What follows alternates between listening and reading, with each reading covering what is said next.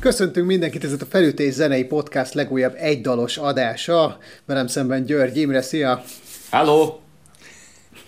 Gondoltam, ilyen, bemutatsz. Ilyen röviden és tömören. Jacsó Miklós, aki beszélt. Köszönöm.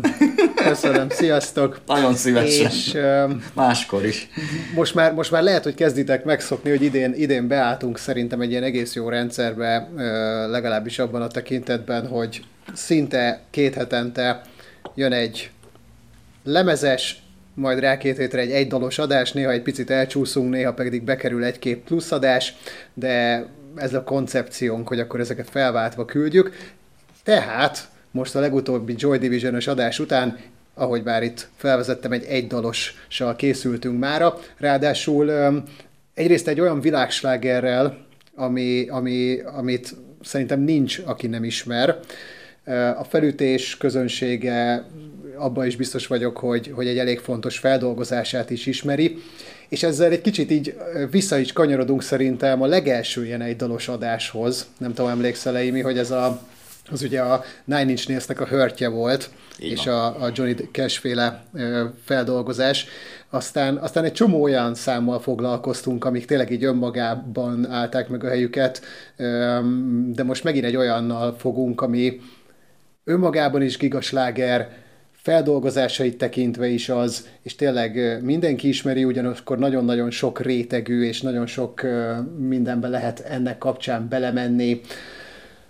Ez a dal nem más, mint a Sweet Dreams a Eurythmics-től, illetve természetesen Marilyn Manson-tól. Igazából mennyire szépen illeszkedik ez a dal a Joy Division-ös adásba, vagy adás után, ha úgy nézzük, hogy egy olyan ö, előadóról, meg egy olyan albumról beszéltünk, ami valamelyes már úgy előidézte, vagy egy, vagy egy kicsit így előszelét adta a 80-as évek ö, hangzásának, meg megjelennek a szintik a rockzenében, stb.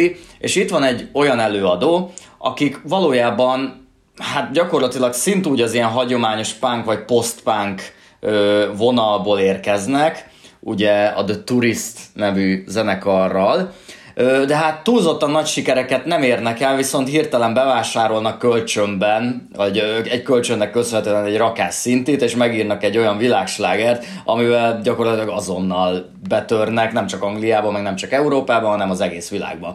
Mennyire szép. szép kis álom és tündérmese ez, meg mennyire ritka. Igen, igen, pedig ráadásul, ha úgy nézzük, akkor ez egy kényszer volt, mert hogy ö, ö, ők, ők eredetileg tényleg a zenekarral szerettek volna sikereket elérni, és, és ha jól tudom, akkor, akkor egyébként ilyen tök nagy drámák árán jutott ide a zenekar, hogy, hogy például a, ugye, ugye ebbe a, na akkor most már említsünk neveket is, bár szerintem a legtöbben azt minimum tudják, hogy a Eurythmics énekesnője nem más, mint Annie Lennox. A, a, a másik tagja, mert hogy valójában ez egy duó, aztán természetesen koncerten lehet, hogy nem tudom, tizen állnak a színpadon minimum, de, de ez eredetileg egy énekesnő és kvázi egy gitáros, szintetizátoros duó, ami, ami ugye Annie Lennox és Dave Stewart közös új projektje. Egyébként nem tudom, hogy Ugye a, a Sweet Dreams are made of this, egyébként innentől kezdve nevezzük Sweet Dreams-nek szerintem. Mm-hmm. Ez a, a, ugyanezen a című második nagy lemezükön érhető el. Nem tudom, hogy te meghallgattad ezt a lemezt, illetve hogy meghallgattad-e az előtte lévő, tehát a bemutatkozó albumát a Eurythmicsnek? Én ismerem a Eurythmics-et elég jól, tehát hogy nem most hallgattam meg ezt az albumot, viszont kifejezetten nem rajongok érte, ellenben a későbbi albumaikért, amikor elkezdenek úgymond kicsit stílust váltani, meg sokkal élőzenésebbek, popzenésebbek lenni, Azokat a lemezeiket nagyon szeretem, de mesélj kérlek a bemutatkozóról, mert az nincs meg nekem. Aha. De azt akartam, hogy, hogy az, az még nem ennyire szinti pop, meg nem is, egyáltalán nem is ennyire pop-orientált, hanem egy kicsit, kicsit még viszi tovább a postpunkot is, de ráadásul ö, ugye ők angolok, de, de egyébként ezeket a lemezeiket, ha jól tudom, akkor Berlinben készítik, és, és azzal a hangmérnökkel, aki, aki egyébként a Kraftwerk uh-huh. lemezeit is készítette, ez a, ez a Connie Plank, aki egy ilyen legenda egyébként, rengeteg-rengeteg előadóval dolgozott együtt, onnan, onnan kezdve, hogy ő volt Marlene Dietrich hangmérnöke, onnantól kezdve egészen a, a Echo and the Bunnymen, meg tényleg Kraftwerk, Divo, stb. Tehát ő, ő egy ilyen igazi pionírja volt a, tulajdonképpen a krautrocknak. Na és az és, mi? hát, igen, ennek, ennek, ennek nem is tudom most így a pontos meghatározását, de, de az biztos, hogy a, ez kicsit az ilyen, ilyen robotikus, szaggatott, zakatoló rockra szokták mondani, ami, ami, ami egyrészt amúgy attól függetlenül, hogy ugye ez teljesen elektronikus zene, valójában a Kraftwerknek is, is egyfajta stílusjegye, de még a Queens of the Stone Age-ig is elnyúlik ez a, ez a kifejezés. Hát jó. De aztán ezzel a második lemezzel, ezzel, ezzel, ezzel valami oknál fogva teljesen belecsap a zenekar a, a popba. Meg a szintikbe, így van. Ö, azt szerintem amúgy tök érdekes, amit mondasz, hogy igazából ugye rockzenéből kezdik, és rockzenével is végződik a karrierük, vagy folytatódik egyébként. Tehát, hogy azért valójában ilyen egy-két ilyen szinti pop albumot csinálnak, és egyébként nem tudom, hogy valójában ezzel nyertek-e, meg veszítettek-e, mert nagyon kíváncsi vagyok, hogy mi, mit gondolsz erről, meg hogy a, a, a hallgatóságunk mit gondol erről. Nekem valahogy az az érzésem, hogy valahogy nagyon egybecsúsztak a rockszettel. Hogy hmm. tudod, van ez a két nagy fiú-lány duó, még ráadásul hasonlítanak is egymásra még kinézetben is, és én nem tudom, ez... hajú Igen, igen, igen, igen, és valahogy a hangzásuk is elkezd összeérni valahol a 80-as évek közepén. És én, én biztos vagyok abban, hogy Magyarországon szerintem egész biztosan a Roxette nyert, ez most nem tudom, hogy a Fidesznek köszönhető, és a Listen to Your Heartnak, de ö, minden eset az biztos, hogy valahogy többször szólnak itthon a, a rádióban a slágereik, ö, és a Eurythmics-től nálunk meg szerintem csak a Sweet Dreams maradt meg. És szerintem nagyon sokan Á, még... Nem, meg, meg igen? Még a, még a izé, tudod, a, a Here Comes the Rain Again, az azért rengeteg. Na azt például olyan rég hallottam rádióban, hogy elmondani nem tudom, a rockszettet viszont mindig szarrá nyomják. Nekem a rockset az azért inkább már 90-es évek eleje, itt meg azért nagyon a 80-as évek elején járunk. Hát átnyúl a rockset a 90-es évekbe, de azért 80-as évekbe futottak be.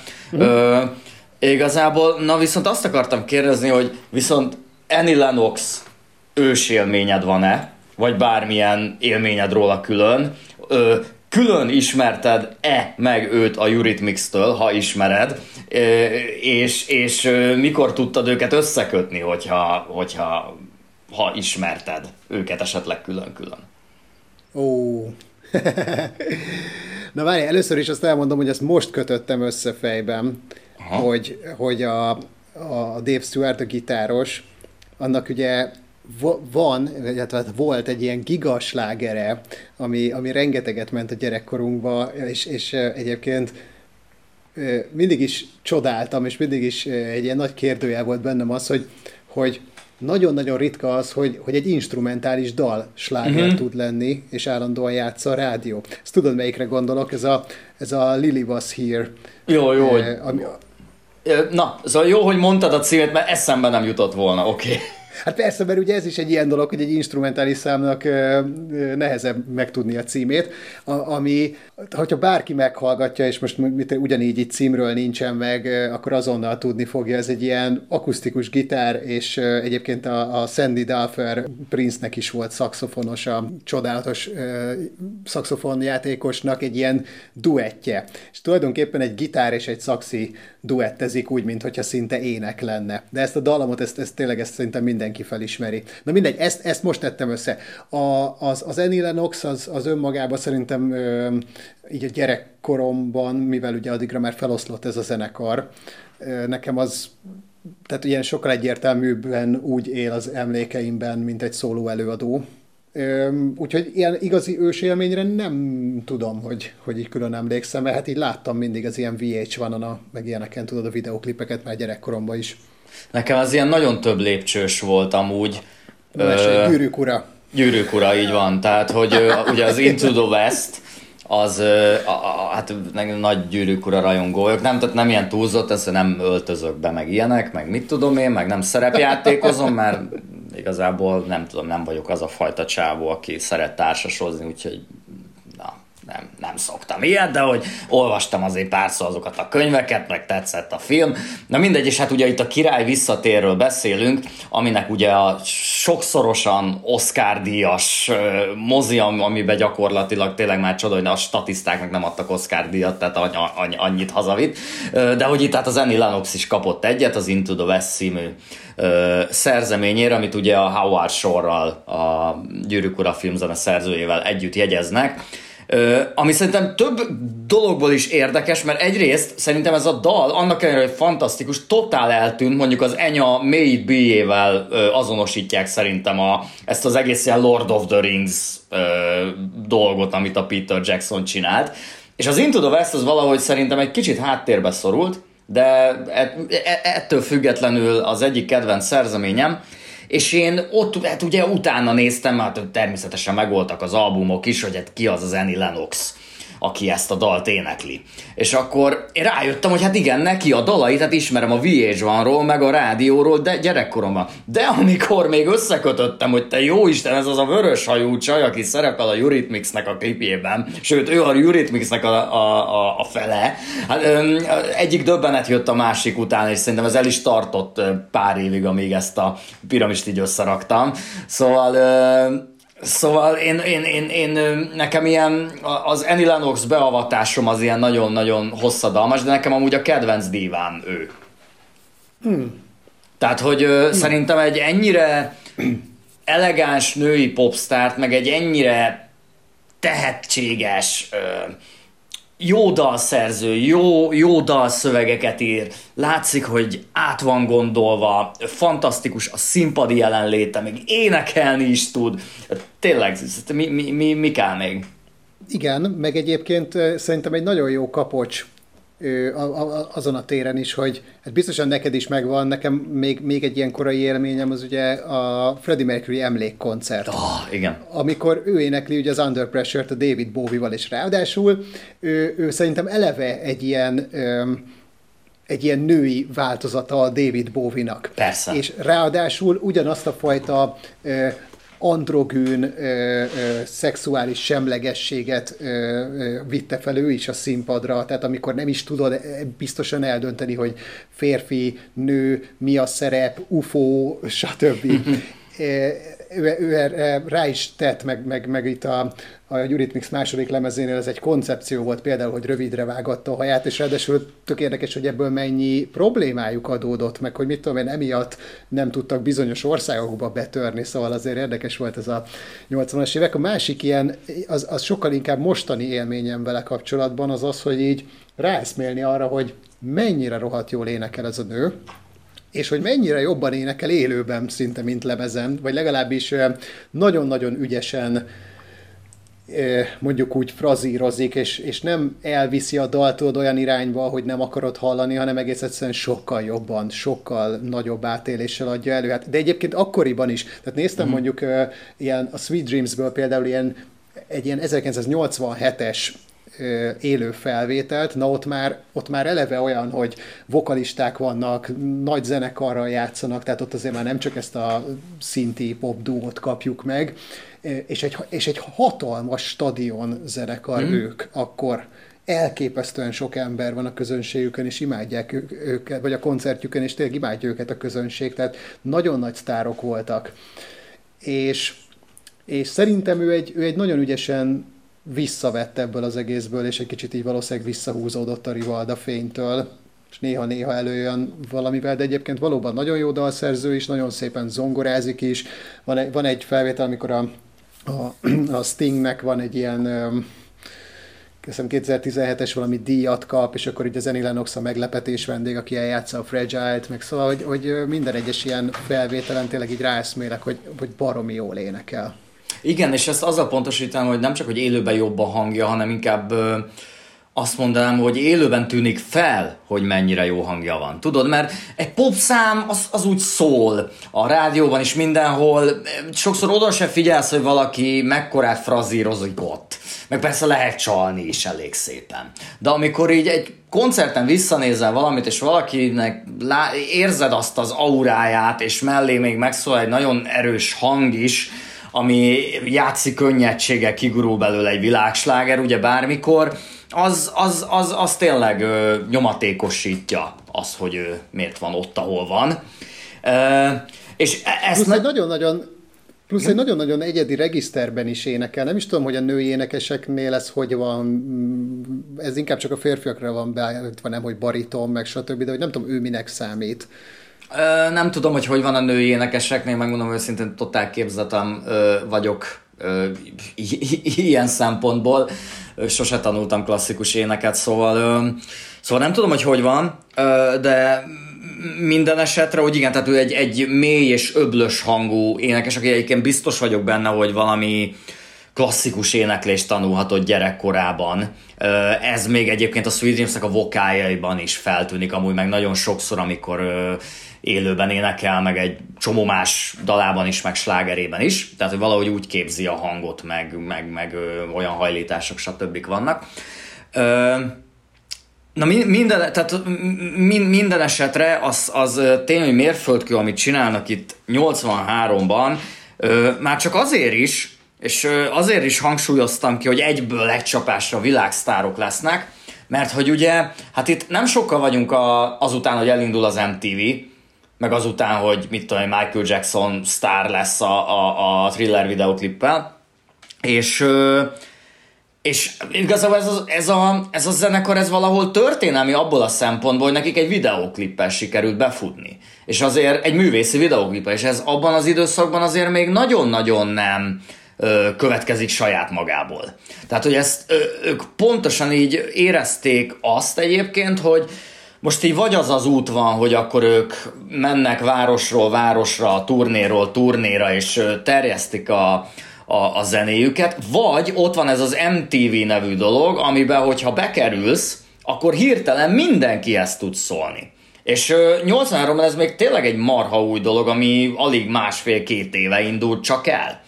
És ha belegondolsz, annak ellenére mondjuk így a Michael Jacksoné mellett is, de hogy a gigantikus videoklipjei mellett is mennyire jó ez a videó. Tehát, hogy érz, érezhető, hogy egy, egy átgondolt, ö, tényleg filmszerű, ö, kiváló képekkel és kiváló ilyen asszociatív ö, megoldásokkal ö, dolgozó három perces kis szösszenet. Ö, gyakorlatilag a színvilág, a, a, a mozgások, a tárgyak, az Annie Lennoxnak a, ahogy mondtad, ez az Andragon kinézete, azzal a vörös rövid haját, hát gyakorlatilag minden az agyamba égett gyerekkoromban, amikor először láttam ezt a, ezt a dalt és a hozzátartozó videóklippet.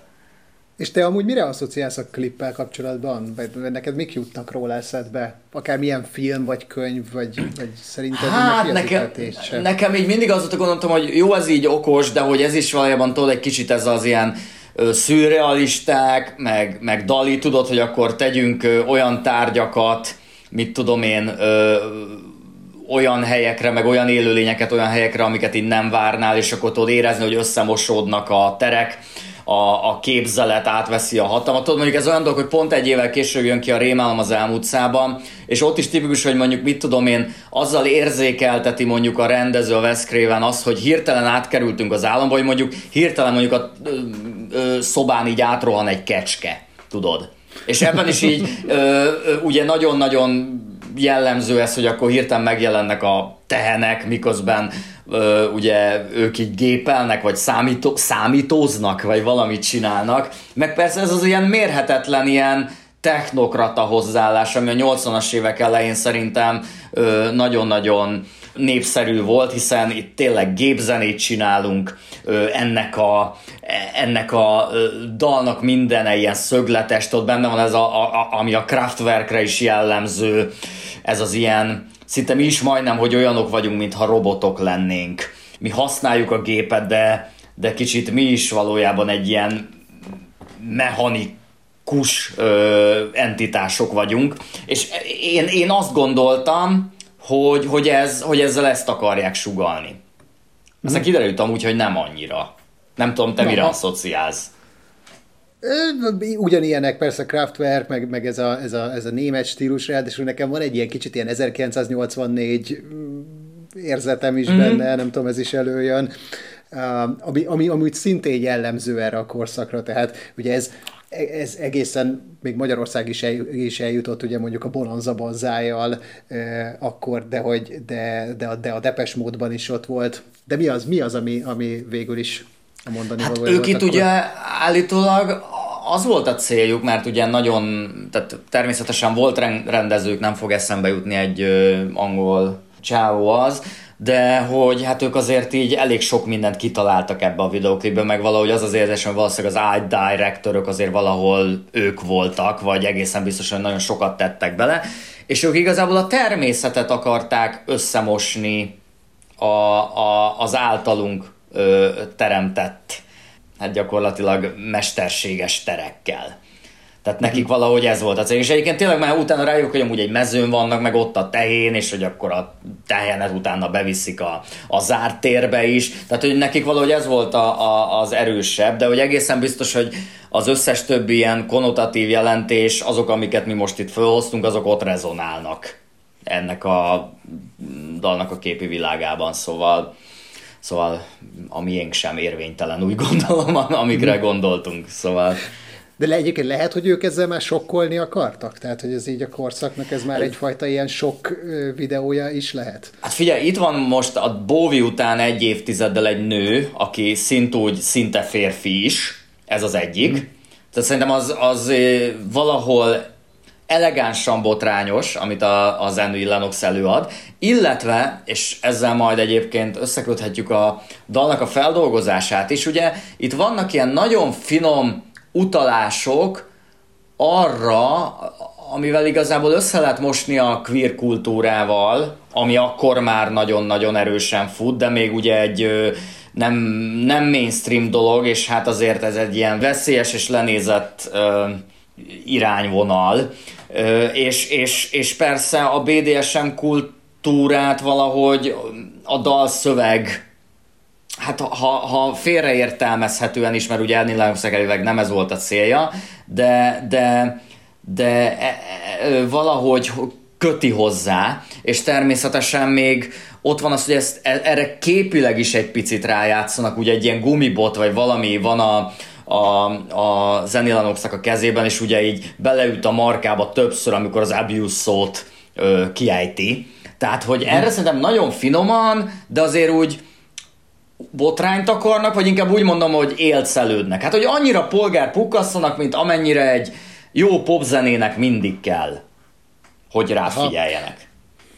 Igen, igen, csak ugye mondtad, hogy ezzel futnak be, meg hogy itt, ele, itt, itt, itt már arra készülnek, hogy akkor, akkor most egy jó videoklipet kell készíteni. Érdekes, hogy egyébként azt hiszem, hogy bár a nagy lemeznek is ez a címe, hogy Sweet Dreams are made of this, de, de hogy ez a negyedik kislemez volt mm-hmm. az albumról. És, szóval ez, és az utolsó egyben.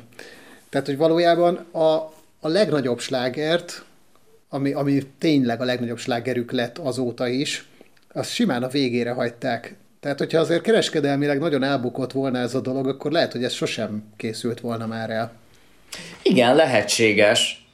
Igen, egyébként meg tökre azt gondolom egyébként, hogy, hogy ennek a szerzeménynek amúgy annyira fülbemászó és megjegyezhető szintetizátor témája van, illetve énekdallama, hogy ez na arra van ítélve, hogy befusson. Tehát, hogy ez Jó. akkor is lehet, hogy sima meg a gigasláger, hogyha nincsen videóklipje, csak mondjuk lehet, hogy turnézással mondjuk két év alatt érik el azt, hogy mindenki ismerje őket, vagy nem tudom. Tudod, így meg így egy, egy, egy csapásról a másikra ők gyakorlatilag sztárok lesznek. Meg aztán persze a dalszövegről még érdemes pár mondatot mondani, mert hát ugye úgy valójában arról Nagyon szó... kevés. Nagyon kevés, az az, az, az egyik, de, de tényleg nagyon találó. Ö, nem, annak ellenére, hogy a Sweet Dreams-nél, ha ezt így kimondod, ez már szerintem akkor is egy, ö, olyan klisé, egy olyan szókapcsolat, amit, amit már, már elkoptatott a, a történelem meg a köznyelv. Már szerintem a 80-as évek elején is. És ö, mégis tud érdekes lenni. Holott pedig csak arról van szó, hogy egyszerűen álmodtak valami nagyot, ami egy zenei karrier, az nem jött össze, és elvileg csalódottságból ezért írta az Annie Lennox ezt a dalszöveget.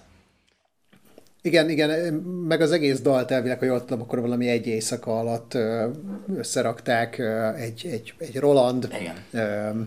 SH101-es szintivel, valami dobgéppel, meg talán még valami hangszerrel, amit azt hiszem, hogy csak kölcsönbe kaptak, nem is volt, nem is volt pénzük rá, vagy nem is voltak ők biztosak abba, hogy ennyire szintiorientált zenét akarnak csinálni, hanem egy kicsit így, így össze voltak törve, hogy, hogy nincs zenekar, hogy nincs megfelelő felszerelés, és akkor ezt hozták ki belőle.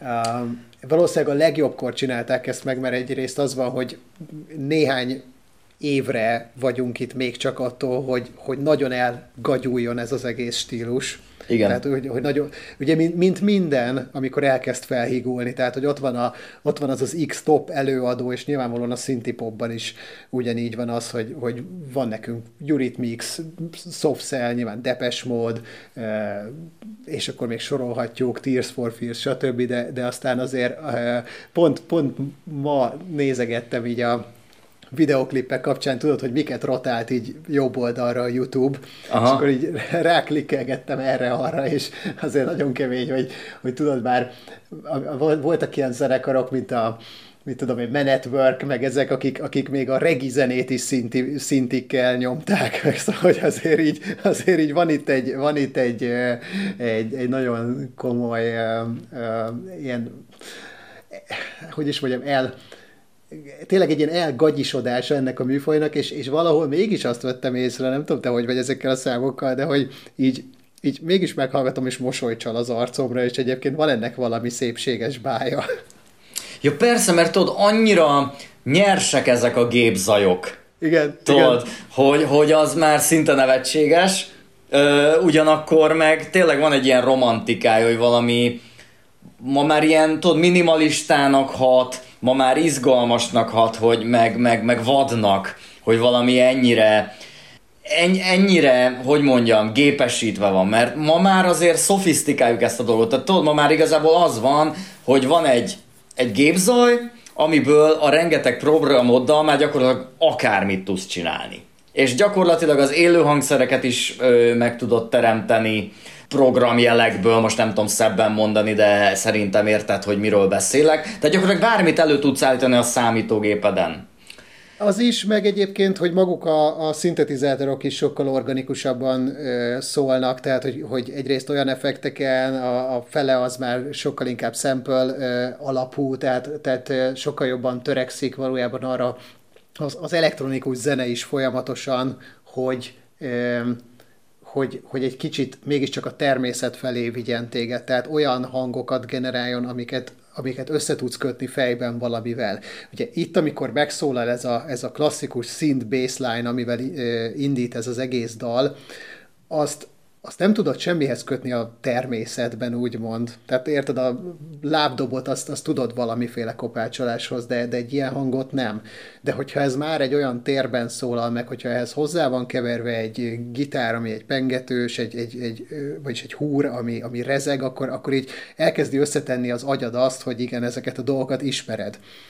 De, de ezért is volt elképesztő nagy újítás itt a, a, az egész Kraftwerk, meg ez a világ, mert hogy, mert hogy így tulajdonképpen valami olyan hallottak az emberek, amiket így nem tudtak semmivel összekötni.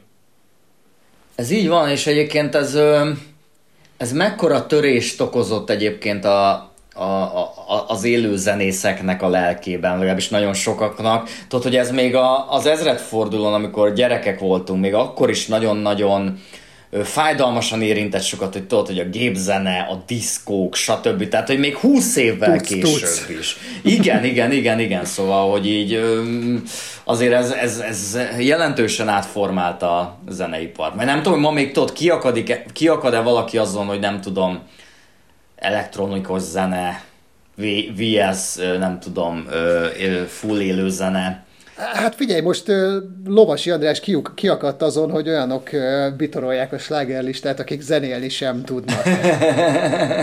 ezzel, ezzel ezért nyomott egy ilyen elég erős uh, 80-as évekbeli ilyen nagyferói hozzáállás dumát, nem? Igen, de azért én értem, mire gondolt. Én, Mármint, én is hogy... értem, hogy mire gondol, de, de azért tegyük hozzá, hogy amikor a Kispár és a Bor szerintem megjelent, akkor mindenki azt mondta rájuk, hogy ezek még zenélni se tudnak. Ez így van, meg mindig ezt mondják, viszont szerintem egy kicsit nagyon olyan korszakot élünk, mint a 90-es évek elején, amikor tudod, így bejött egy technikai újítás, hogy itthon mindenki, tudod, így gagyi stúdiókban uh, Eurodance csinált, és, és ténylegesen senki nem tudott zenélni, és mérhetetlenül gagyi ótvar szarok születtek, amit mindenki hallgatott a diszkókban. És most egy picit ugyanez a trap, aminek nyilván van egy olyan réteg, akik tényleg tudnak zenélni, vagy van fantáziájuk, értenek is valami, stb. Viszont ezt futószalagon le lehet gyártani gyakorlatilag tényleg bármennyit ezekből a zenékből, és ténylegesen semmihez nem kell érteni, ugyanúgy, mint a 90-es évek elején. Amikor mentek ezek a rettenetesen gagyi reppekkel, tudod, ezek a Eurodance szarok. Amiknek szintúgy nem... volt egy magas szintje, de hát a legtöbb az nem, nem az volt. Persze, arról nem is beszélve, hogy egyébként simán lehet már ai a zenét csinálni. Az meg a másik, tehát még egyszerűbb lesz ezeket a, az alapokat előgyá, legyártani, szóval Hát meg szövegeket az... írni, szövegeket Igen. írni, tehát hogy aki, aki tényleg nem akarja a, a, a kiteljesedés, meg a művészi effortot beletenni ezekbe, valójában lazán generál már magának minimum egy angol nyelvű szöveget. Alig várom, hogy végre a felütésben csak beüssük, hogy mi a következő téma. És a kettőnk Me... hangján így... Így van, így, így van, pontosan. És amikor majd elmegyünk így valahova, és mint, mint múlt héten, és megint találkozunk hallgatóinkkal, akkor, akkor, akkor meg így nézzünk majd, hogy hú, ilyet mondtam? Nem, nem is, nem is jobban, emlékszem. Jobban már. be kell állítani azt az AI-t, majd lesz idom, hogy mit csinált. Na, hát ott tartunk, hogy ez egy világsláger lett, a, a Eurythmics meg egy rendkívül jó produkció, de hát természetesen, mint az ilyeneket, azért idővel egy generáció néha elő tudja venni, és, és feldolgozni, átdolgozni, átgondolni. És azért is örülök, hogy igazából mi kihozta föl, ezt csak így a hallgatóság mondom, hogy beszéljünk erről, és én beszélni akartam újra Marilyn Mansonról valamilyen formában, már csak azért is, mert ö, például nekem szegeződött olyan kérdés, úgy ö, besz, élő beszélgetések alkalmával, vagy ismerősek át, hogy Na de most így bevállalnánk-e, vagy felvállalnánk-e a Marilyn Manson adást, amit csináltunk? Ugye, aki nem tudja, ezt, azt még akkor készítettük, amikor hát Marilyn Manson nem volt feljelentve, beperelve, és ö, semmi hasonlók, tehát nem tűnt el a nyilvánosság elől, ö, és nem vádolták meg semmiféle szexuális zaklatással, erőszakkal, stb.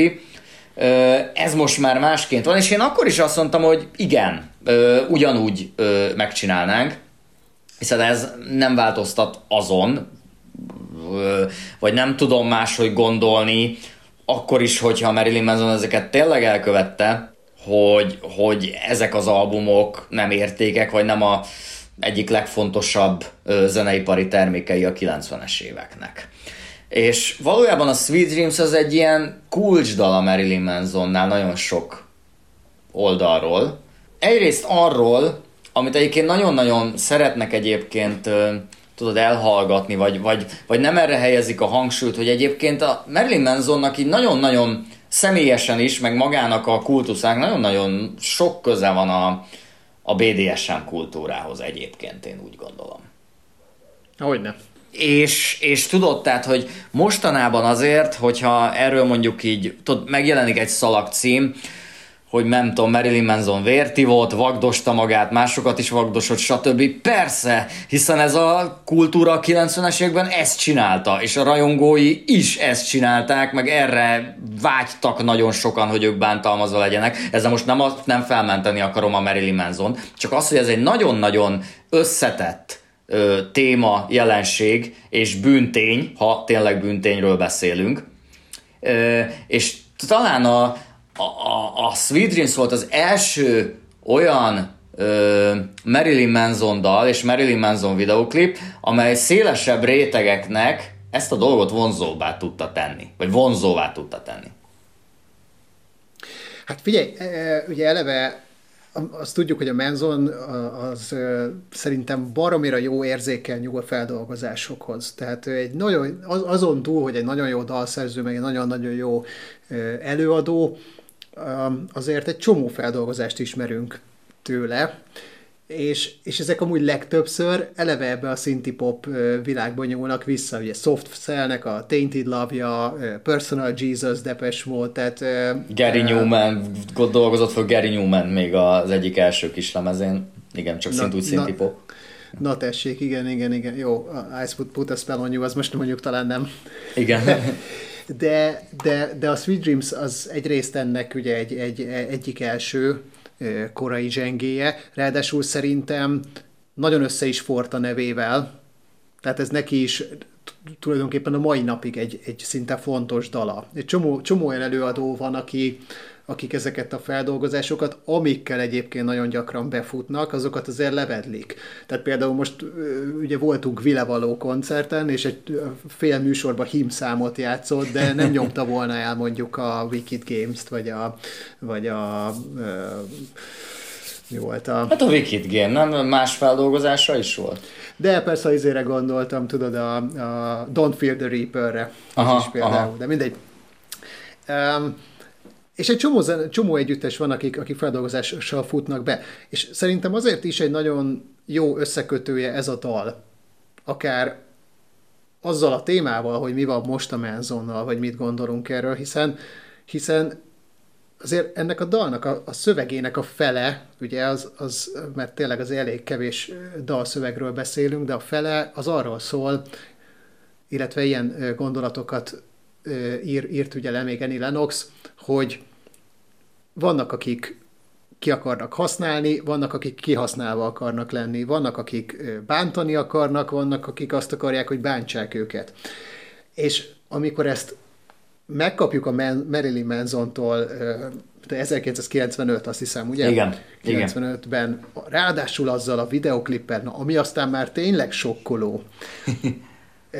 még akkor is, és még ma is az, azt tekinthetjük úgy is, hogy, hogy attól független, hogy ez egy feldolgozás, ez azért valamiféle szerepvállalás, valamiféle kinyilatkozása annak, hogy én ezt gondolom a világról, én ilyen gondolatok közt vagyok. És akkor ehhez képest, amikor van egyfajta meglepődés azon, mit tudom én, 2021-ben vagy 2-ben, hogy még mind a mellett, hogy egyébként a Menzonnak ugye ott volt az önéletrajzi könyv, amiben rengeteget írt erről, egy csomót írt arról, hogy ő hogyan bántott akár lelkileg, akár fizikailag embereket. De ugye legalábbis ebből a szemszögből nézve mindig azt kaptuk, hogy olyanokat, akik, tehát hogy nem, nem úgy bántott embereket, hogy, hogy azokat nem tudom, fogva tartotta, hanem hogy tulajdonképpen azok ugyanúgy vele akartak lenni, és benne akartak ebben lenni. Így van, igen. Tehát ugye mindezek után valahol itt 20-30 évvel később meglepődni ezeken a dolgokon, az azért nagyon furcsán hat.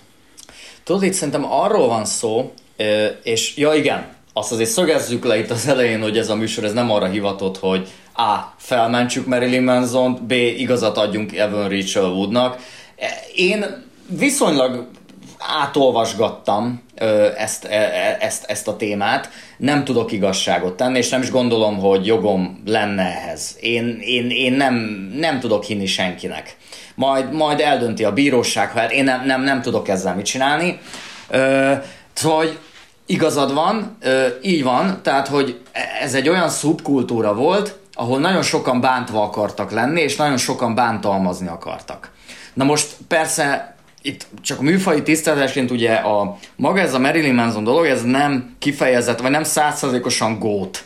mármint ami a gót rockot, gót metált jelentette a 90-es években és az ezredfordulón, de annak valamiféle csatolmánya vagy alműfaja, és teremtett egy olyan rajongó tábort, akik hát tudod, menzonosok, de nagyrészt ez, ez, ilyen, ez ilyen dárkos, gótos arcokból állt, akiknek a szexualitásuk az nagyon sok szempontból az extremitások irányába hajlott el. Ezzel annyi probléma van, hogy ezek nagy része azért ugye tinédzser, vagy olyan ember, aki keresi önmagát. Megtörténhet az, hiszen egy szélsőségről beszélünk, hogy valaki azt hiszi, hogy erre van szüksége, ellenben túl messzire megy, valamilyen extremitással, valamilyen bántalmazásba belekerül, és ezáltal ő igazából sérül. Majd bántalmazásként éli meg azt, ami történt vele egy ilyen BDSM, vagy bármilyen hasonló környezetben. Pláne, hogy érted egy tinédzserként, aki azért még mentálisan, fizikálisan is mindenhogy ugye egy alakuló ö, folyamat részese önmagával és a világgal.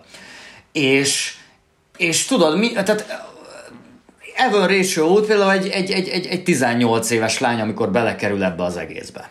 Nem tudom, hogy igazat mond-e, nem tudom, hogy ő ebből profitálni szeretne, nem tisztem, hogy ezt megítéljem. Ellenben tegyük hozzá, hogy az egyfajta narratíva, hogy ő úgy gondolta akkor, hogy valami, valami olyannak a részese, ami neki izgalmas, neki jó, neki extrém és lázadó, és, és később, tehát gyakorlatilag mint egy posztraumatikus élmény kerül bele, a, vagy próbálja meg feldolgozni az agya. És jó, de nyilván nem tettek elé, tehát hogy nyilván nem arról volt szó, hogy kapott egy kis könyvet, meg egy szerződést, és ott gondolja át, hogy ez neki jó lesz-e. Így van, így van. Tehát egy, valahol ez egy picit olyan, és, és tényleg senki félre ne értsen, tehát itt, itt, itt senkit nem mentegetünk, vagy, vagy védünk, és a Menzon sem még akkor sem, hogyha nagyon szeretjük a zenéjét. De hogy nyilván ez egy valamilyen szinten olyan, mint mondjuk belekerülni egy, egy kábítószeres társaságba, érdeklődve a dolgok iránt, aztán esetleg rohadtul megszívni ezt a dolgot. Igen, most végül most heroinista leszel, vagy ez egy jó buli volt, amit majd röhögni fogsz, mint a 20 éve később családapaként. Tehát Igen. ezt ne, Igen. nem lehet megjósolni, hogy ki milyen, ö, hogy mondjam, milyen ö, milyen belső ö, tartása, vagy éppenséggel belső gyengességei vannak, aminek következtében ezt nem bírja kezelni. De hogy egyébként, hogy ez a szubkultúra mennyire kapcsolódott össze ö, a, a fékezhetetlen szexualitással és hasonlókkal, arra nagyon jó példa, hogy gondolkoztam, hogy a popkultúrában ezek hogyan jelentek meg, és hirtelen két dolog jutott eszembe, nem tudom, emlékszel a pillangó hatásra, ö, ahol az Ashton Kutchernek ugye a, a szobatársa, az ugye ez egy a bazi nagy darab gócsávó, tudod, aki annak ellenére, mennyire visszataszító Pali, meg ugye ki van kenve állandóan, ugye minden este más nővel kefél ott a, a közös szobájukban. Vagy eszembe jutott a, a Slasher, a, a rémségek könyve, ahol végül szintúgy szobatárs a, a főszereplő hölgynek, egy, egy gótlány, aki minden este más csávóval szexel, és mit a menzon poszterek vannak mindenhol az ő szoba részén, és végül a gyilkos azért tudja megölni, mert folyton ö, ledorgálja a lakótársat, hogy ne kapcsolja föl a villanyt, amikor hazaér, mert ő úgyis éppen keffél valakivel, akit a neten szedett össze. És hát hal valami iszonyú nyögéseket, és végül a szobatás nem kapcsolja föl, de közben őt meggyilkolják. Csak úgy két példát hozok, hogy mondjuk abban az időszakban ö, a, a, a közkép, vagy az az a fajta általános gondolkodás, ahogy mondjuk ők egy hollywoodi filmben megjelenhettek, az, az ez a szerepkör volt. De például nem kell messzire mennünk csak a kibaszott magyar valóságba, hogy, hogy igazából ott volt mondjuk egy iskolatársunk, szerintem ezt ennyi évvel után ezt már elmondhatjuk, aki egy ilyen, tudod, egy ilyen gócsávó volt, és akkor miután elballagtunk, került így a címlapokra, hogy nem tudom, sírokon szexelt a csajával, miközben az öccse videózta. Ez, ez egy szalagcím volt, tudod? És persze most ezzel nem azt akarom mondani, hogy minden gót ilyen volt, meg, meg, meg, meg hogy is mondjam, nem démonizálni akarom ezt a szubkultúrát, Csak az, hogy mivel ez egy extrém műfaj, vonzotta az extremitásokat. És ezekből az extremitásokból pár ennyi évvel utána, hát rohadt nehéz ö, kigobozni azt, hogy végül is itt ki hibázott, meg ki nem hibázott, meg ki mit csinált, meg mit nem. Hát persze, meg, meg, meg tényleg mondom, ez azért ott van a, a gyökerétől kezdve az egészben, nem csak így elhintve, hanem nagyon komolyan vállalva. Tehát, hogy vagy, vagy azt gondoljuk, tehát, hogy a, a világ egyébként azt gondolta 30 éven keresztül mondjuk, hogy a Marilyn Manson az amúgy utána így lemossa a sminkét, és egy ilyen, egy ilyen hót átlagos csávó, aki így, nem tudom, hazamegy sorozatot nézni. Tehát, hogy nyilvánvalóan az, az, az, amit ő képviselt, tehát a másik oldalon tényleg most azt, azt jelentenénk ki, hogy biztosak vagyunk abban, hogy ő csak egy színész, és ő csak ezt az egészet így kitalálja és játsza ezt a szerepet, de, de hát az még rosszabb lenne, hozzáteszem, mert akkor aztán tényleg az lenne, hogy, hogy, az, egy, hogy az egésznek semmi értelme. Tehát nem, nem, nem, egyrészt nem színházba járunk, másrészt akkor tényleg a, a rajongóknak, meg annak a kultúrának, akik nyitottak erre, és, és egyfajta hősükként tisztelik, azoknak ez tényleg a totális átverése lenne. Vagy ez, ez picit olyannak érzem, mint hogyha most öm, öm, valaki így meglepődne azon, hogy, hogy úristen, halad, 20 éve, 30 éve hallgatom a Cypress Hill-t, vagy a Snoop Doggot, és de én nem gondoltam volna, hogy ezek szívnak füvet. tehát, hogy az, hogy ezek gangsterek, és tényleg, most nem a Cypress Hill-ről beszélek, de hát most könyörgöm, tehát, hogy érted, a Snoop Dogg-tól kezdve a 50 Centen, ott hányan kerültek bandaháborúba, vagy ténylegesen, mit tudom én, letartóztatták őket, stb. Tehát Hát igen, tehát hogy a név kötelez valahol, meg, meg tehát hogy mondjam, ezek olyan ö, szélsőséges műfajok, ahol ö, ténylegesen legitimizálni kell magadat, ö, meg azt, amit csinálsz. Ö, legitimálni, bocsánat.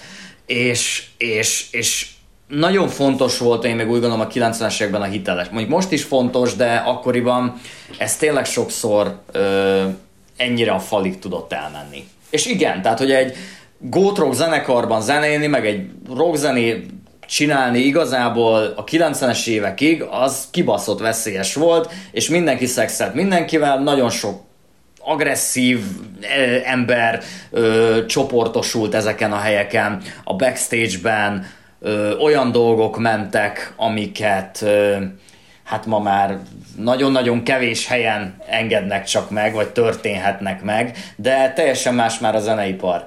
Most nem tudom, hogy ezt az egészet most így Marilyn Manson nyakába lehet varni. Jó, nyilván nem, itt most őt elsősorban nem ez miatt vonják felelősségre, de a kérdés az, hogy mondjuk Manson, tudod, ö, átléphetett egy határt? Akár igen, átléphetett egy határt. Hogy ezt mennyire szándékosan, nem tudom.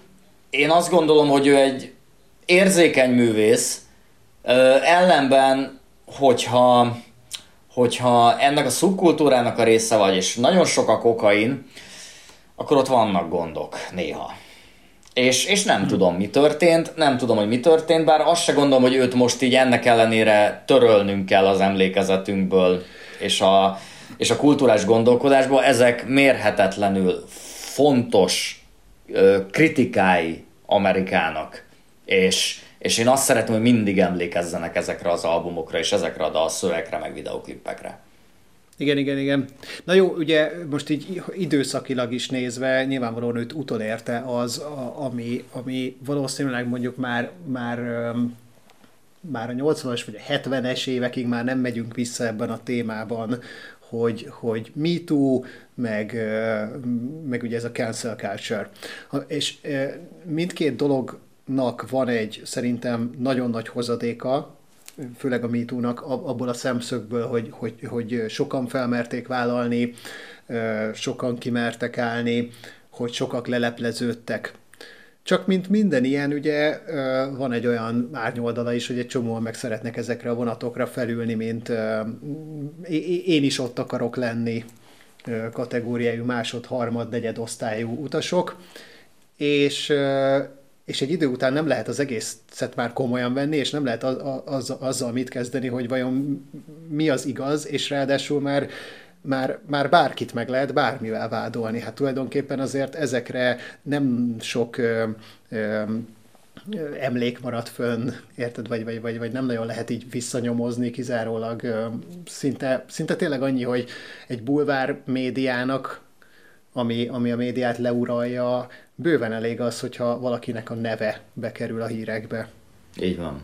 Az emberekhez eljut, és már, már, már megy a pletyka, megy a szóbeszéd, és akkor eljutunk oda, hogy ugye, ugye például itt van ez a két nagyon jó barát, Johnny Depp és Marilyn Manson. Ja. És hát hasonló okokból viszonylag, de nem, azért, azért jó, jó nagy adag különbség van a két dologban, de, de nagyon hasonlóan mindkettőt valamilyen szinten a, a renoméjukat, a, a, tényleg a, a, a rajongóik és egyáltalán úgy a, a világ szemében való ö, ö, képüket, és hát a karrierjüket is nagyon-nagyon csúnyán derékba törték. Tehát ráadásul a, a, a Menzon, aki, ö, akinek már, már ugye a, a Hollywood ö, album környékén is egyszer jól elvágták a, a, az útját, de abból így felállt. Nem tudom, hogy valójában ebből vissza fog-e, fog, fog, fog, tudni, fog-e tudni jönni, vagy hogy például a Johnny Depp egyáltalán milyen lesz azt tudod, hogy már öt éve nem láttuk jó filmbe, de majd egyszer csak lesz egy ilyen nagy visszatérő filmje. Én azt gondolom hogy Johnny Depp megúszta a renoméja abszolút, Hát igen, az most más kérdés, hogy már egy ideje elég ótvar filmekbe játszott, most ezen ez nem fog javítani, de azt gondolom, hogy a nevének a csillogása azon, azon nem esett folt. A Marilyn Manson ez sokkal rosszabbul fog ki, kijönni ebből, bár tudod, azért az nagyon sok minden mutat, hogy mondjuk tudod, a Spotify hallgatottsága semmivel nem csökkent, sőt növekedett. A rajongó tábora az ugyanúgy hallani akarja ezeket a dolgokat, mint ahogy tudod, a, Michael Jackson se lehetett kiírtani, meg a Kevin Spacey filmeket is nézik, mert, mert jók. És a Polanski filmeket is, mert jók. És a Harvey Weinstein által pedig ő aztán tényleg egy igazi szörnyeteg producerelt filmeket is nézik, hát könyörgöm, hát ne nézzem meg a egyik Tarantino-t se, hát a kedvenc filmjeimet menedzselte az a csávó. Tehát, hogy érted, e, szóval, ha akarjuk, ha nem, ezeket az embereket amúgy valójában nem lehet kitörölni a popkultúrából. Mert, mert amit letettek az asztalra, azt az emberek egyszerűen szeretnék fogyasztani továbbra is. És hát itt van, hogy a szerzőt el kell különíteni a műtől, más nem tehetünk. Na jó, szerintem tényleg vannak olyan tehát ne, nekem az én megítélésemben egyébként vannak olyan témák, amikkel kapcsolatban így tényleg én magam így belül el tudom törölni az előadókat. Tehát, hogyha olyan megnyilvánulása van, vagy olyan dolog derül ki róla, akkor, akkor én képes vagyok erre. De, de itt ráadásul mindkét ügy kapcsán ugye azért mi lett a vége? Mm. Végül, végül, hát bár tudjuk, hogy ez egy ilyen nyilván giga nagy pénzek is forognak egy ilyenben, meg szinte már a médiában játszódott le a Johnny Deppnek végül a tárgyalása. Tudjuk, hogy végül is az is az ő oldalára dőlt el, és, és lehet, hogy, lehet, hogy egyébként ezt direktbe így vágták, és így kaptuk, de hogy ez a csaj végül annyira antipatikus lett szerintem az egész Igen. világ számára, hogy az biztos, hogy ő az, akit látni nem akarunk. És most már a Menzon ügy kapcsán is előkerültek olyan nők, akik meg végül azt mondták, hogy konkrétan ö, őket így, hát nem is kényszerítették, de hogy manipulálták abba az irányba, hogy, hogy, hogy ilyen történetekkel álljanak elő. Hát figyelj, én most sajnos nem volt időm, hogy végignézzem, de ezt a Phoenix Rising-ot elkezdtem, már egyszer elkezdtem, aztán nem volt időm befejezni, aztán most megint. Ez ugye azért van Rachel Woodnak a doksi filmje, az HBO-n, amit nagyon-nagyon imádunk, és rendkívül minőségű dokumentumfilmekkel szórakoztatják, és oktatják a világot. Na és hát ez, tehát na, hogy mondjam, ez propaganda. Nem azért, mert Marilyn Manson szeretem, vagy hogy szeretem Marilyn Manson-t. Egyébként Evan Richard meg egy nagyon tehetséges színésznőnek tartom, akit amúgy szint úgy szeretek, de ez a dokumentumfilm egy szar. Tehát, hogy itt ugy, ugyanazt látjuk, mint a, a Woodstock 99-nál, amiből, és bocsánat, amikor így, vagy többennek, vagyis hát hallottam akkor olyan véleményeket, hogy jó, de hát hogy lehetne ezt jól csinálni. És a Netflix, azt gondoltam, hogy lenyúlja ugyanúgy az ötletet, de csinált egy jó dokumentumfilmet a Woodstock 99-ból, ahol mindenki meg van szólítva. Ennek ugye az a, hát már aki nyilatkozni akart, ennek ugye az a nehézsége, hogy természetesen így senkire nem lehet ráhúzni direktbe a vizes lepedőt.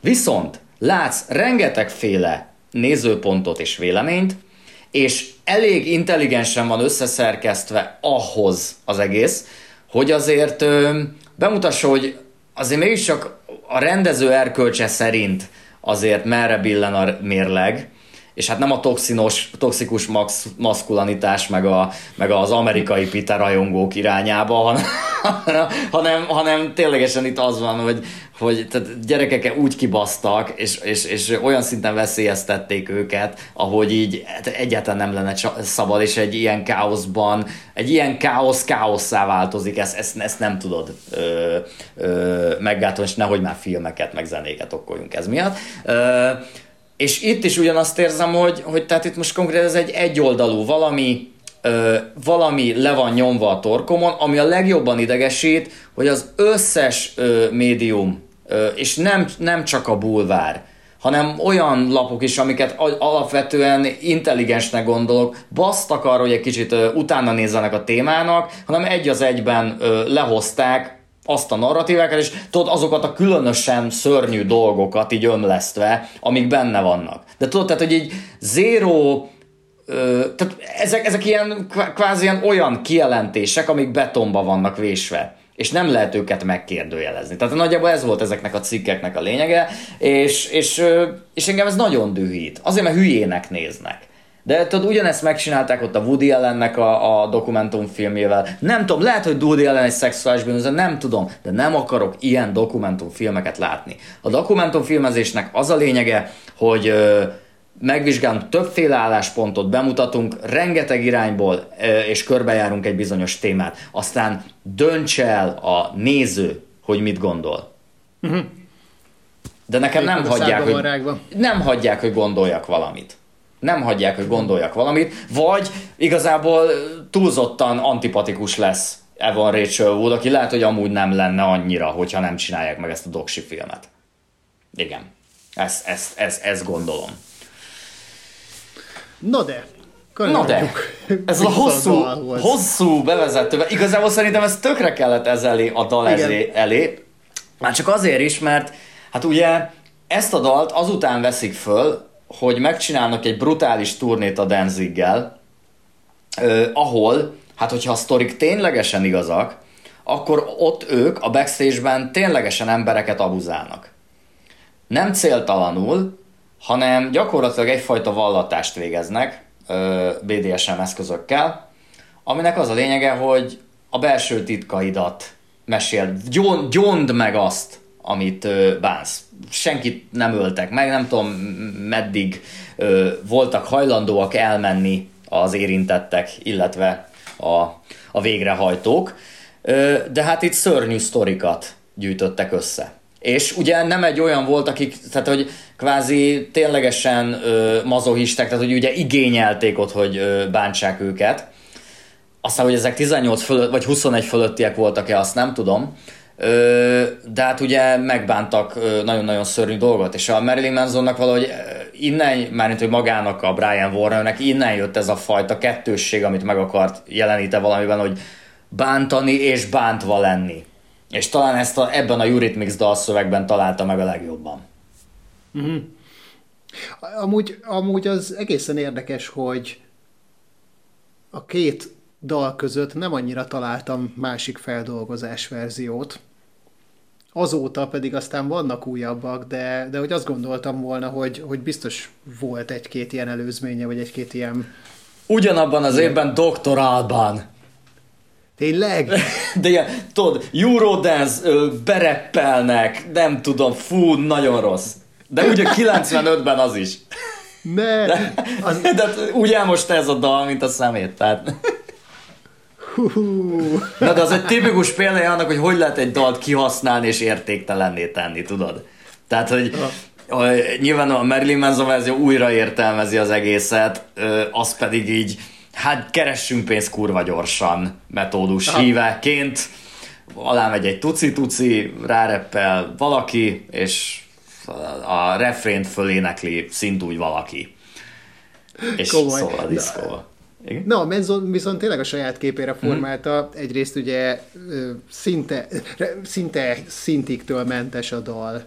Igen. Egy-két, egy-két ilyen nagyon-nagyon minimál bejátszást érzékelek benne, de azért leginkább ez egy ilyen nagyon sötét, lelassított gitárdallamra épül tulajdonképpen ennek a, ennek a arpeggio-nak, vagy, vagy mit tudom én, nevezzük, ja, nevezzük arpeggio-nak, annak a, a, a, a gitáros kibontása. E, borzasztóan nyers az egész felvétel. Tehát ilyen minden egyes hangszert ilyen, ilyen nagyon, nagyon nyersen kapsz meg, és nagyon elkülönülnek egymástól.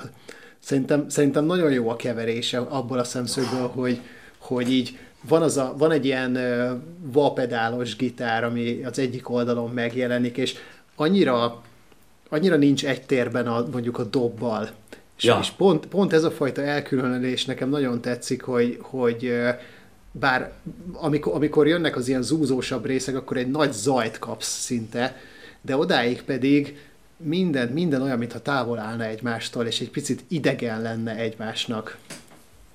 Igen, fantasztikus, meg a gitár hangzása az szerintem etalon, tehát hogy annyira annyira ízléses, se nem sok, se nem kevés, és tudod, nem is az van, hogy ugye száz százalékig ugyanazt a szinti témát hozza, mint nem az teljesen, eredeti. nem. Hanem ez tényleg, ez, ez, ez újra van gondolva. Pedig egyébként tudod, náluk szint is van, és amúgy az előző lemezeik is tele vannak, tudod, szintetizátorokkal, mindenféle elektronikus hangzással, de tök dögös, hogy akkor nem a nyilvánvalót ö, vették alapul, hanem, hanem akkor gitára átültették, ugye lelassították, tehát nagyon-nagyon jót tesz a dalnak, hogy még hogy, hogy ilyen hömpölygős lett. Meg ugye hozzá van végül is a végén írva egy mondat, ami azért elég fontos. Fontos is, de egyébként igen, ez, egy, ez meg már egy ez egy, ez egy érdekes kérdéskör amúgy, hogy, hogy belenyúlunk-e dalszövegbe, meg, meg ha már feldolgozunk mondjuk egy másik számot, vagy egy vers feldolgozást csinálunk mondjuk, akkor mennyire illik átírni, hozzáírni, beleírni. Szer- hát figyelj, hogyha szerintem jól csinálod, akkor bármi megengedett. Nekem inkább, meg, meg tudod, hogyha igazából ezt nyilván jóvá kellett hagyni, ö, szerintem a Eurythmicsnek is, vagy legalábbis a kiadónak, vagy a szerzőknek, nem tudom, hogy hogy van ilyenkor pontosan a, a jog külföldön erre, vagy hogy volt a 90-es években, de én úgy tudom, hogy nekik is bejött. Igen, de erre kíváncsi lettem volna, hogy vajon egy Annie Lennox mondjuk mit szól ehhez a feldolgozáshoz. Állítólag nekik, nekik ez nagyon bejött. Meg nem azért, tudod, két David Bowie rajongó ha találkozik. Ja, ja, ja, ja. De nem, tehát, hogy jó, tehát, hogy, hogy mondjam, hogy van, van áthallás, és szerintem ezt azért értették az Annie Lennoxék is, hogy mit csinál ez a csávó ott 95-ben, vagy nem tudom. Tehát, hogy meg, a, meg tudod, a másik az ugye a videóklip. Én azt gondolom, hogy ez az első igazi Marilyn Manson videóklip, mármint amivel ténylegesen a mai napig azonosítjuk őt. Tehát az, az a fajta külcsény, azok a fajta képek.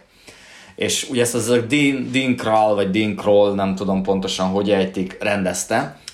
És engem az idegesít nagyon a Marilyn Manson jelenségben, hogy nem látok mögé. Hogy tudod, hogy azt is hihetném, hogy valójában ez egy nagyon jó producernek a munkája, ez egy nagyon jó fotós, egy nagyon jó designer, egy nagyon jó videóklip rendező elképzelése, és az alapján összerakják ezt a Marilyn Manson féle terméket. De aztán rájössz, hogy mindig más a rendező, mindig más a fotós, a hangmérnök, a tököm tudja, és mégis ott van egy olyan minőség, egy olyan fajta gondolkodás, ami, hát ami arra enged gondolni, hogy tényleg ez a csávó a zseni.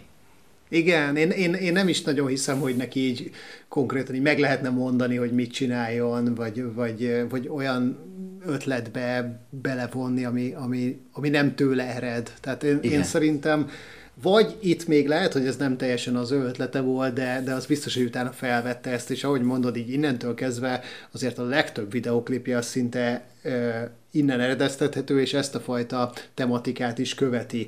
Ezek a különböző szerkezetek, ami a fejére van e- e- e- erősítve, a, izé, a tágra nyíló szem, tudod, a kicsit undorító dolgok, kicsit melankólikus, kicsit hátborzongató, és, és ez, ez egészen szinte a mai napig tart. Vagy legalábbis mondjuk az elmúlt albumok videóihoz is. Még Igen, ez, ez, ez, ez akkor nagyon bejött neki, csak tudod, hogy engem az zavar, hogy Uh, mindig, na, és ezért unom már nagyon ezeket a zenész önéletrajzokat, meg életrajzokat, meg stb., hogy igazából mindig azt a részét kapod, ami így, nem tudom, öt oldal után rohadt unalmas, ha nem vagy 13 éves, és nem, tehát, hogy mit tudom, mennyit kokóztam, mennyit kurtam, de ez is tök unalmasan leírva. Ö, meg leírva mindenféle őrültség, amit megcsináltál, vagy nem csináltál, meg csak leírod, hogy vegyék a, a, a, a könyvet, de hogy engem annyira, annyira örülnék olyan könyveknek, amik ténylegesen így a háttérmunkáról szólnak. Hogy ezek, ezek ténylegesen hogy születtek. Milyen volt az, amikor ott a stúdióban, de nem az érdekel, hogy amikor már fölrántottad a kokaint, hanem az, amikor az ott megszólalt, amikor kitaláltad, hogy azt oda kell csavarni, amikor kitaláltad, hogy, hogy az a mondata helyes, amikor a, a keverésnél rájöttetek, hogy hol van a jó hang, amikor rájöttetek, hogy hol kéne leforgatni azt a videóklipet, hogy rohadtó érdekel, hogy a Beautiful people mi az a gyárépület, meg hogy tudták, kik azok a statiszták, tudod, ez, ki csinálta ezt ilyenkor erre? Volt egy cég, ezt, meg az, azt a rengeteg szerkezetet kigyártotta le, érted? Igen. Tehát, hogy, hogy az, az, azt így menzon forrazgatott, meg ragazgatott egész este, egy, a, meg a zenekar, vagy tehát tudod, ez, ez annyi ilyen olyan kis műhelytitok, ami baromira érdekelne, és nem kapok rá választ. Szerintem kényszerítettek valakiket, hogy forrazgassanak. Én így képzelem el. Így van, így van. De nem szeretném elviccelni. Persze, tudom, mire gondolsz egyébként, hogy le, le, legtöbbször ugyanazok a sztorik. Tehát tényleg egyrészt nagyon hasonló az is, hogy mindenki, mindenki hogyan fut be, hogyan kapja meg az első szerződését, hogyan ér el a csúcsra, ott mik történnek, és valóban egyébként mi azt gondolom, hogy erre van egy ilyen sablon, ezek, ezek sablon életet élnek, meg sablon módon írják meg ezeket a könyveket, mert úgy látszik, hogy mindig bele kell férni, nem tudom, 450 oldalba, és, és az ezt, ezt eredményezi, ezt hozza ki. Vagy, ö, vagy ez egyfajta ilyen, ilyen kiadós, meg marketinges dolog, hát, hogy ezeket kihúzzák belőle. Persze, ezt tudod eladni, érted? Tehát, hogy így, ö, hogy mondjam, valószínűleg ezekre a jó könyvekre még várni kell itt a 50 évet. nem tudom, amikor ki, de milyen, kinyomozzák de milyen ezeket. jó lenne, hogyha, hogyha úgy működnének ezek a dolgok, mint mondjuk, tudod, a, egy csomó filmből mondjuk vannak rendezői változatok, ezzel eleve mindig jót mosolyog, mert az eredeti az nem rendezői változat, vagy mindegy, de, hogy, de hogy, hogy tudod, hogy így mondjuk akkor van egy bővített, ami az ínyenceknek szól, aki, aki mit tudom én, már megvette mindenki, aki akarta az eredetit, most akkor megmutatjuk, hogy egyébként hogy képzeltük volna. Ez nagyon érdekes. Hát ugye, hát ugye pont a, azért rendezői változat, mert hogy a rendezőnek is kötött a keze, és ugye sokszor nem engedi a stúdió, hogy olyan legyen, ami ennek akarja. Igen, igen. E, de egyébként, na, tehát például több olyan doksi film jó lenne, mint a Funky Monks a Red Hot Chili-től, ahol ténylegesen látod, hogy mi ez a kreatív processz, hogy, hogy hogyan születik egy-két dal, meg egy-két ötlet, meg mit tudom én, tehát hogy öm, az ilyesmik jól, jól tudnak jönni. Meg nagyon várom a Rick Rubin könyvet, nem tudom, láttad de hogy Azt láttam, én már készül. gondolkoztam is rajta, hogy meg, megrendelem, de nem, nem tudom, lennék, hogy vajon le lesz-e fordítva. Magyarul csak könnyebb olvasni. Hát igen, bár jó gyakorlás egyébként eredeti igen. nyelven is, de, de igen, igen, igen, azzal már szemezgettem. Ez a kreativitásról szól főleg, tehát az nem egy ilyen életrajzi könyv, hanem, hanem inkább ilyen, tudod, az ő izé, buddhista útmutatója. Ja, ja, igen, igen, igen, igen. Na hát még visszatérve, ugye Marilyn Manson gyakorlatilag ezzel fut be, ezt azért általában mm. nagyon kevesen szokták emlegetni, de ez ágyaz meg az Antichrist Superstarnak ahhoz, hogy az az olyan sikeres legyen, amilyen, meg olyan rotációban játsszák, amilyen. és én azt gondolom, hogy ez a dal a mai napig velünk él, mert hogy utána olyan szinten saját életre kell, tehát hogy nem is tudom, érdemes végignézni, hogy milyen filmekben szerepelt ez a dal. Nekem most így hirtelen gyerekkoromból a háza kísértett hegyen ugrik be, de valahol láttam erről egy listát, tehát hogy imádják alkalmazni ezt a szerzeményt, meg ha jól tudom, a, valamikor a 2000-es években de a Billboard lista ezt választotta minden idők legfélelmetesebb videoklipjének. A Thriller volt még eredetileg, de azt törölték, és ha jól tudom, ez minden idők legfélelmetesebb videoklipje. Lehet, hogy azóta már frissült a lista, de, Már de nem a Menz- kéne. A, men, a Menzon féle? Így van, így van, így van, így van, így van, pontosan. Wow. Igen. Értem. Hát ö, egyrészt tényleg ez a mezónak is fontos lett, nem tudom, hogy látod, de mondjuk azt a felvételt, amikor ilyen azt hiszem 2017 körül ak- akusztikusan játszák el egy ilyen olasz, olasz tévécsatornán, az megvan? Ah, meg, meg, meg, meg. Na hát az Egyébként volt... ott engem, engem, engem ott megmondom őszintén, hogy legjobban a gitáros irritál, hogy, hogy nem ugyanúgy játsza a témát. Aha, aha. De, de amúgy szerintem van egy feelingje annak a felvételnek, hogy egy egyszáj gitárad a menzon ugyanúgy nekiáll üvölteni, nyilván rohadt szárazon, de ben vannak valami, nem tudom, mint hogy egy óriás templomba lennének. Igen, igen. Hát ez nekem egy kicsit olyan, mint a mint a, a Nirvana Puddle of Mattól. Júj, júj. Nem annyira, de azért, Annyira azért, azért nem. de azért hasonl, hasonlóak kicsit. Ö, A, a, a, volt ez a film, a Sucker Punch. igen. Nem emlékszem, mi volt a, a magyar címe. Nem tudom, Annak a épp- Björk csinálta a zenét, nem? Ö, hát hát ö, volt rajta Björknek az, az Army of Love-ja, az rajta Army volt. of... Aha, igen, igen, igen. Ö, de hát ugye az, az, az azért egy régebbi számként szerepelt rajta, de a, az Emily Browning ö, előadásában rajta volt viszont a Sweet Dreams. Hmm. És, és tudod, ez is egyébként valahol annak az a fajta eset, amikor egy picit azt érzem, hogy ez a feldolgozásnak a feldolgozása. Tehát, hogy, hogy, hogy kicsit közelebb áll a menzonhoz, mint az eredetihez. Uh-huh, uh-huh. Hát figyelj, mindkettő jó tud lenni, de én, hogy mondjam, most nagyon jó, hogy az elején felhoztad a Nine Inch Nails-t, meg a, meg a Johnny Cash-t, mert hogy tényleg nagyon hasonlóról beszélünk, hogy nagyon ritka az, hogy egy dal úgy, tehát egy dal kétszer lesz gigasláger, és hogy mindkétszer annyira eredeti. És én ezt úgy gondolom, hogy viszont ez a kettő ki is oltja egymást. Tehát azután már hagyjuk. Tehát, hogy nem hiszem el, hogy még egy olyan verzió tud lenni, ami, ami miatt érdemes igazából feldolgozni. Értem, tehát szerinted semmi értelme nincsen, hogy a Budapest Bár zenekar 8. stúdió lemezén Kis Tibi és Tóth Vera feldolgozásában szerepel a Sweet Dreams. Mi, tényleg?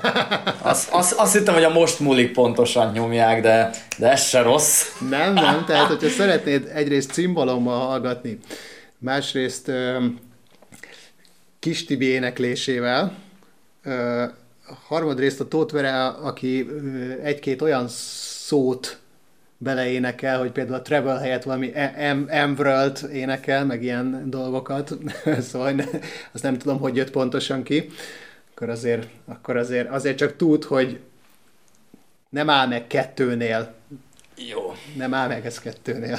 oké. Egy Ez- jó dal, egy jó dal tovább él. Hát ez mennyivel jobb lett volna, hogyha a Dr. Alban verziót csinálják meg cimbalomra. A, a, a, a Tibi rappel, Tibi nyomta volna a rap részt. A Livius.